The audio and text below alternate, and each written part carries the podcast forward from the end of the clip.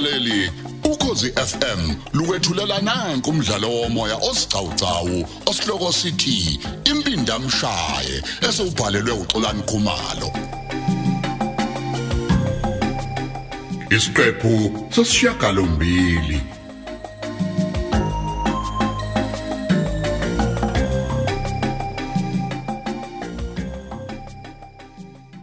Hey, senzo mfowethu. Ngiyezwelana nawe, ngiyezwelana nawe kakhulu. Ngicela ke mfowethu okwamanje ukuthi ngiseze njengephoyisa. Ngisazobuya njengomngane. Ngiyabonga bhengu mfowethu. Ey, angifuni ukuqamba amanga la. Kuyazwela kakhulu. Mm. Ngiqhameka ingozi engeqwa ntwala ngokuhamba kamama emhlabeni. Aw, hey, sanibona. Ningixolele ngicela ukuphuza amanzi ngale kitchen. Oh okay, okay. Hey. Kwangcono wafika Sipho khona uzomhlalisa. Hey, wena ke usuvela emzini wemeya? Kunjalo nje ngithe angiqale khona ngoba phela usenzo yena sihlala naye la elokushini. Mhm. Kodwa utheni nje umkameya? Hey ndoda, ngimshiye dangele. Ekhala ngokuthi kodwa uzothini einganeni zemeya mazivuke ekseni ukuthi uzothi uphi baba wazo. Kodwa ke uthi biyapi imeya kuveze ebusuku ngempela? Hey uyazi Sipho, sengathi khona lapha idepartment zabo ezothanda ukushayisana khona. Futhi ngimtshelile no captain wathi mangilindele baqede uyabona. Mhm. Uyabona kuma abantu bezokhuluma izinto ezingefani, hayi ngathi sizoba nenkinga. Mana ke usho asanda novezi. Kanjalo nje. Uthi ke umkameya uvezi uyena owacela imeya ukuba noma kanjani mayize bezobuka ibhola ndawonye bese bosana inyama. Mhm. Kanti yena uvezi akayiphathi leyo ukuthi imeya yacela uyena. Ya, ay, kodwa inkinga ukuthi awuzoba nafakazi ukuthi ngampela ubani okhuluma iqiniso phakathi kwabo. Futhi njengoba ke nale kukhulunywa ngaye engasekho nje, sekuzofana nokuthi uthela amanzi emhlanje wedada. Hey kanti zikhona ke impawu ekhombisa ukuthi uvezi wenentshisekelo ukuthi na kanjani imeya mayifike emzini wakhe. Iziphi lezo mpawu? Uthi unkosikazi wemeya wayengafuni nokizwa into yokuthi ngosuku lakhe lokuzalwa umyeni wakhe ayemzini wenye indoda. Wathi angeza uvezi ukuthi hayi umkameya ubhodla umlilo. Wabe sehambisa ke isipho sezihlaphe ezintathu. Hayibo. Ngiyakutshela wena. Wathi ezani lezo qapho? Wathi ke sodwa ubevele ezoxoshisa ngasimeya. Bese kuthi lezi ezimbili isipho sokhalalisela umkayo imeya ngosuku lakhe lokuzalwa. Ah. Ay ay ay ay ay. Kwakubaleke ngani ukuthi imeya ize kwakhe? Uthe uvezi babezobuka ibhola ndawonye. Hayi umbhedo loyo. Yazi mina ngicisho ngibe naso isizathu sokuthi bobabili abantu babulawe lweni. Hawu. Iziphi lezo uze nazo?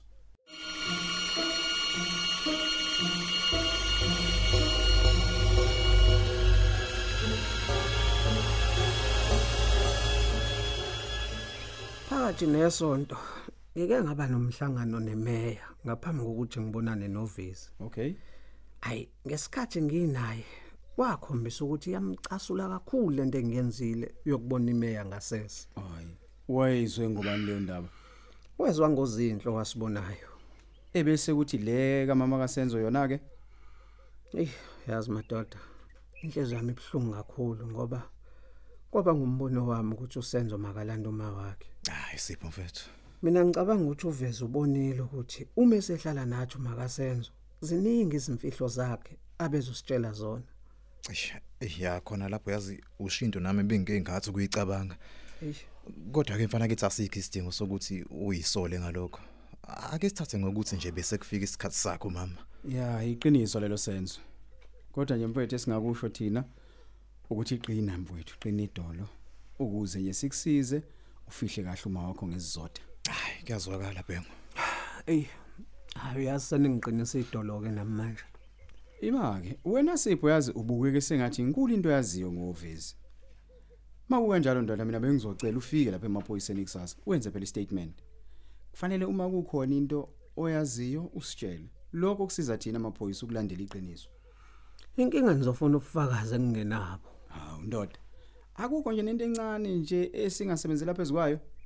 Hey, uma kukhulunywa ngobufakazi, akukhulunywa ngenzwa bethu bhengu. Iqiniso lelo. Ey. ayikho yonto ebambekayo engingayibeka la kodwa lokho kakusho ukuthi anginayo inkohlakale enginobufakazi obuqanda ikhanda ngayo engamfaka phakathi ejele futhi ke ngeshwa lakhe ngokubulala umama womngani wami hayi useyinyathele emsileni uvezi ya lenkohlakale ngamgweba iminyaka eyishumi nanhlanu nje. Emva kweminyaka ezihlanu athola ushwela phuma manje inkinga yambhengu ngifuna aboshwe aboshela ukubulala labantu futhi agwetshwe impilo yakhe yonke esejele. Ey sipha utshele mina ke ucabanga ukuthi ubufakazi uzobuthathapha ngoba phela lapha egarage bambonile futhi ke kunama camera azocacisa ukuthi ngesikhathi bebulawa labantu. Yena ube khona lapha egarage yothenga wona lamalahla washoyo hey ayikho impunga yehlathi ubhengu. Umbulali ngizomfuna ngize ngimthole. Anginandaba ukuthi lokho kothatha iminyaka emingaki kodwa kogcina mina. Induku ishaya umveki bhengu. Ngeke wabona mangwevama ukuthi aqhamuka ngakuphi.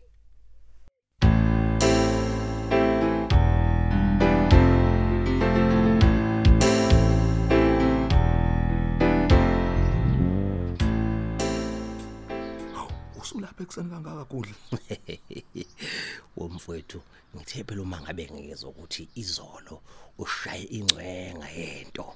Ngase ngibona ukuthi eh eh ake ngigudleke nami ngize la kuwena mfowethu ngizokunika lokho ebekusela hawu. Uthe umlungu ngikutshele ukuthi eh hlala ulindileke mfowethu uvive ngoba engathi usakhona omnye umsebenzi maduze nje azokuncinza kuncinzele wona mfowethu. Awuyindoda indoda. Mfowethu. Uyindoda ngiyabonga uyazwa imaki imoto le shuthi sengizoyishiya esikhumulweni seyindiza nje? Shiye khona mfowethu. Imaki akhopho esele kulandelayo hayi lutho lutho mfowethu. Angani wena izolo mfowethu uthi ushaye mfowethu eh iqamcisho uthula msindo uthe nako mlungu kulona omunye umsebenzi sekuyothi xaxa phela ngoba wena ayi engathi uhlele eduze kwenhliziyo yakho mlungu manje. Imaki ubaluleke ukudlula lo engiqeda ukwenza. Hayi kakhulu kakhulu thina mfowethu kakhulu. Hawu kunomuntu lana mfowethu ogama lakhe kuwusifo eyimfowethu uyiphele endlebeni nomuntu hey Hey.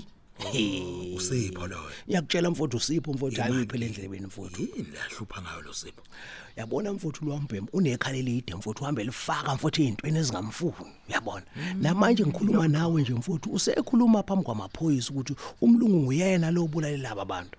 Uyabona ke mfowethu umuntu onjalo thina hayi engathi usufuna ukuzosenza kabi mani singabi namali. azosilambisa manje ngoba ngizoshaya yena Lalela wemfowethu. Umlungu akafuna afe kodwa lo wena uzomshaya ufuna kusolwa yena. Kube khona nanobufakazi obuqanda ikhanda ukuthi nguyena eh omdlwengulile wabe sembulala. ngeke kube lulu kumnameka ngaleyo ndlela yazi? Futhi ngibona ukuthi eh umuntu odlongolule ingekho idini yakhe. Angavasana nami kanjalo Lalela sikuqa mfowethu. Lalela. Kanti umlungu mfowethu ngifuna ukutshela umlungu seyihlele yonke into nenye intombazana ukuthi ithole phela imbewu yakhe lompembu. Futhi wena ke Ya. uyobuhamba ngemoto efana ncamashini yakhe ukuze phela omakhelwane bathi babone yena ebulala hayi wena mfowethu.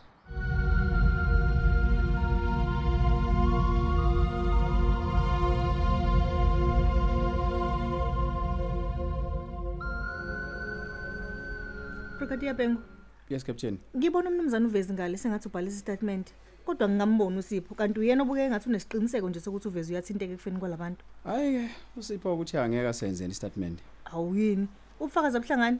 kanti namanje akakangabazi ukuthi umsebenzi kavezi wonke lo Hawu. uthe okwamanje akanabo kodwa ke ubufakazi obubambekayo Angahlambalaza umuntu kanjeya engenabo nobufakazi. hayi kodwa captain usamile ngelokuthi uvezi wonke lo imakwe captain Ehhe. konje usakhumbula ukuthi uvezi uthe imeya yini eyeza kuyena kanjani Hayi uthe nje bebezobuka ibhola. uwakucacisa yini ukuthi izizele noma ibicelo uyena Hayi ngokuzwa kwami kuzwakala sengathi izizele. hayi ke captain sengathi khona ke izinto ezizoshayisana ke la Umayelana nani manje? lalela phela umkameya uthe imeya yacelwa uyena umnumzane Mvezi azikahle kodwa ukuthi bekuzoba usuku lakhe lokuzalwa. Hawu. kodwa njengoba manje meyingasekho oyi sizosiqinisekisa kanjani nje uthe leso- waze leso wathumela ke statement? izikapu lalela. Uthe waze wathumela izikapu ezintathu ebancenga ngazo ukuthi phela imeya igcina ifikile kwakhe. Ezintathu zonke pho usho kanjalo. Futhi bakhona ke nofakazi okuyibona abayihlinza lezo kapu.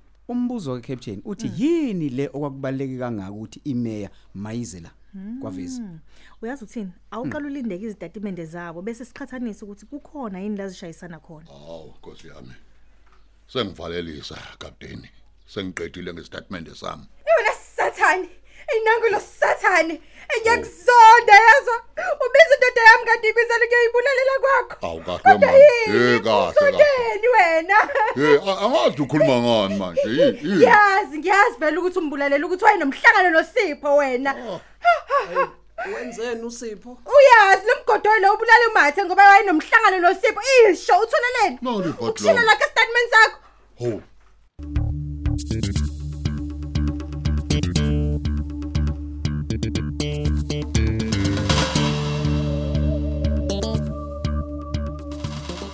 Yazi angithandanga sikhulume kakhulu izolo senzo ngoba Mfowethu. usathukile Eyi, kodwa kawusho seninqumile usuku lomncwabo ngenzela phela ukuthi sibone ukuthi sizokwenza kanjani ngoba isimo sakho siyasazi.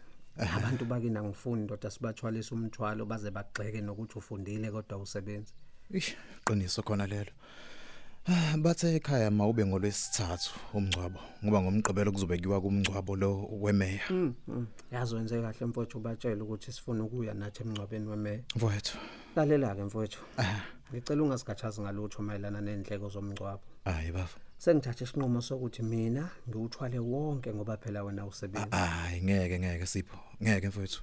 Phezulu kwemali engako ngithengele ngayo umuzi usuzophinda futhi ungithwale nakuloko a- angangikwazi ukukuvumela. baba. ngathi kuwena ngiyazi ukuthi imali uyongikhokhela futhi uyoyithola kanjani Ya ngiyakukhumbula ngikusho lokho nawe ukusho lokho kodwa seyishintshile manje izinto njengoba umama engasekho nje Hayi, emhlabeni. ayikho into eshintshile lana kusafana nje Oh sipho mfowethu. yeka mina wena ngibhekane nawo yonke lento bese kuthi usindi abhekana namalungiselelo omngcwabo awuzokwazi ukuthi wena lokho ehla kwenyuka la Imake u- u- uthi izoqhubeka kanjani indaba kaVezi engasekho umama.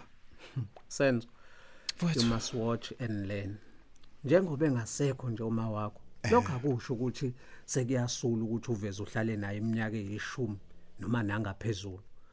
Kodwa ke manje into ezoshintsha ukuthi nguwena ozobe usufaka amaphepha enkantolo ufuna uhafu wefa lakhe njengomuntu obe uma wakho. Uveze ikhululeka isamlindile ibhomu yakhe Eh ma usho kanje? ngiyakutshela impela Hayibo. kodwa ngaphambi kwayo yonke into noma ngabe uzizwa kanjani ngovezi Ya bafa. ngiyakucela bafu basiye kuyena ngenhlonipho siyoza ukuthi luthini uvo lwakhe mayelana namalungiselelo omngcwabo Eyo ngiyakuzwa mfethu. bese wena umlande ngehlahla njengesiko uzomngenisa la uma ufika la ngaphandle kwesango uzomgeza amanxeba ngembuzi Ya bafa. yona ke izobe sithatha iyogqitshwa enye imbuzi kuzoba ngeyokumngenisa okuyiyona ke sesingadla kuyona ikakhulukazi nani nina bomndeni Eish ngiyakuzwa msayipho. Kodwa ke kuzobe sekwenzekani kuma esefika la? A- a- Angithi ngeke angeniswe ngaphakathi. hayi uzongena ngoba phela uyobe usumgezile amanxeba Eh, Cha nami ngibuza ngoba phela ngiyaye ngibone engangeniswa kweminye imizwe uyabona. pheze umsebenzi wakhe kodwa wenzelwa khona ekhaya Ya ke ngibone kanjalo mfethu. Ah, usuku uzuwenzelwa abantu umsebenzi uma phela engangeniswanga yena. Ayikho leyo nto senzo. Ewu. Umuntu uyagezwa amanxeba bese ngeniswa ngenye imbuzi ke futhi ekhaya. Hayi cha bafa ngikuvume. Ubuvele washo nje wathi I must watch and learn. Kuthi ufunda uzufe baba. Ya ima- imake bafa manje eh, uma enqaba kuvesi lana ukuthi ngimlande ngehlahla umama ku- ku- kuzoba into enjani? Ah, uyobudlala ngesikhathi sakhe ke lapho. So yakhona nje sifike sime ngaphandle Yeah. ummemeza uma wakho uzokuzwa eze kuwena uhambe naye. Futhi ngeke nje uvezi azokubhedela ke ke usemgwaqeni. Hayi kezwakala mfethu.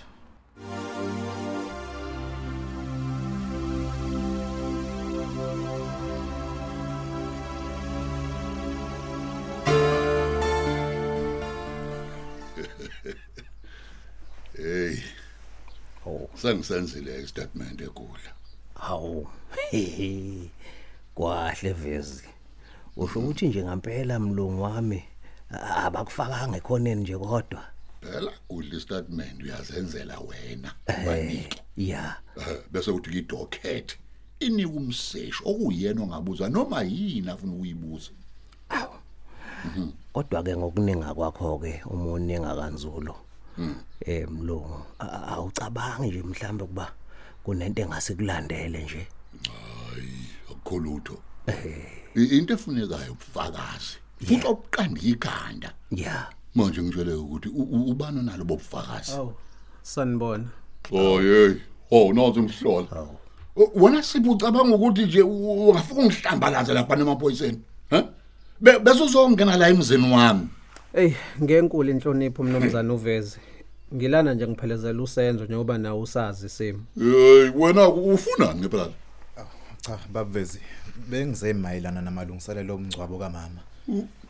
Ukuthi kanjani madoda a- angikwazi phela ukuvele ngenze nje ngendlela efunwa yimina. Ngingakhulumanga nawe baba. Hey lalela la wena mfana. Yeah. Mina noma wakho besingashadile ngakho ke ungangifaki nje indabeni zemingcwabo la ingahlangene nayo.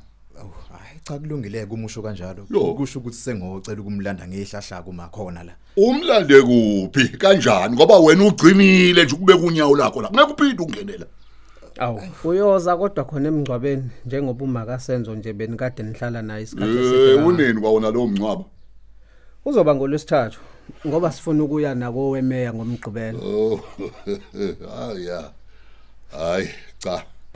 Sengathi ke uqondene nosuku olubi ngoba ngolwesithathu ngisuke ngiyodlala igalufu nezinye phela izigwile ezifana nami. Hayi, asambe senzo. hayi hambani phela. Awu hayi cha nisale kahle. Mm hayi hambani. Awu awu, kodwa mlungu. Awu mlungu kodwa u- usungaze mlungu umkhakhabeze kanjena umuntu efuna ukwenza isiko mlungu. Hey, Ay, kudla. ay, ay, ay. isiko isiko lokunuka yilo lishoyo Asubambe lapho ke umdlalo wethu womoya osihloko sithi impindamshaye olethelwa ukozi FM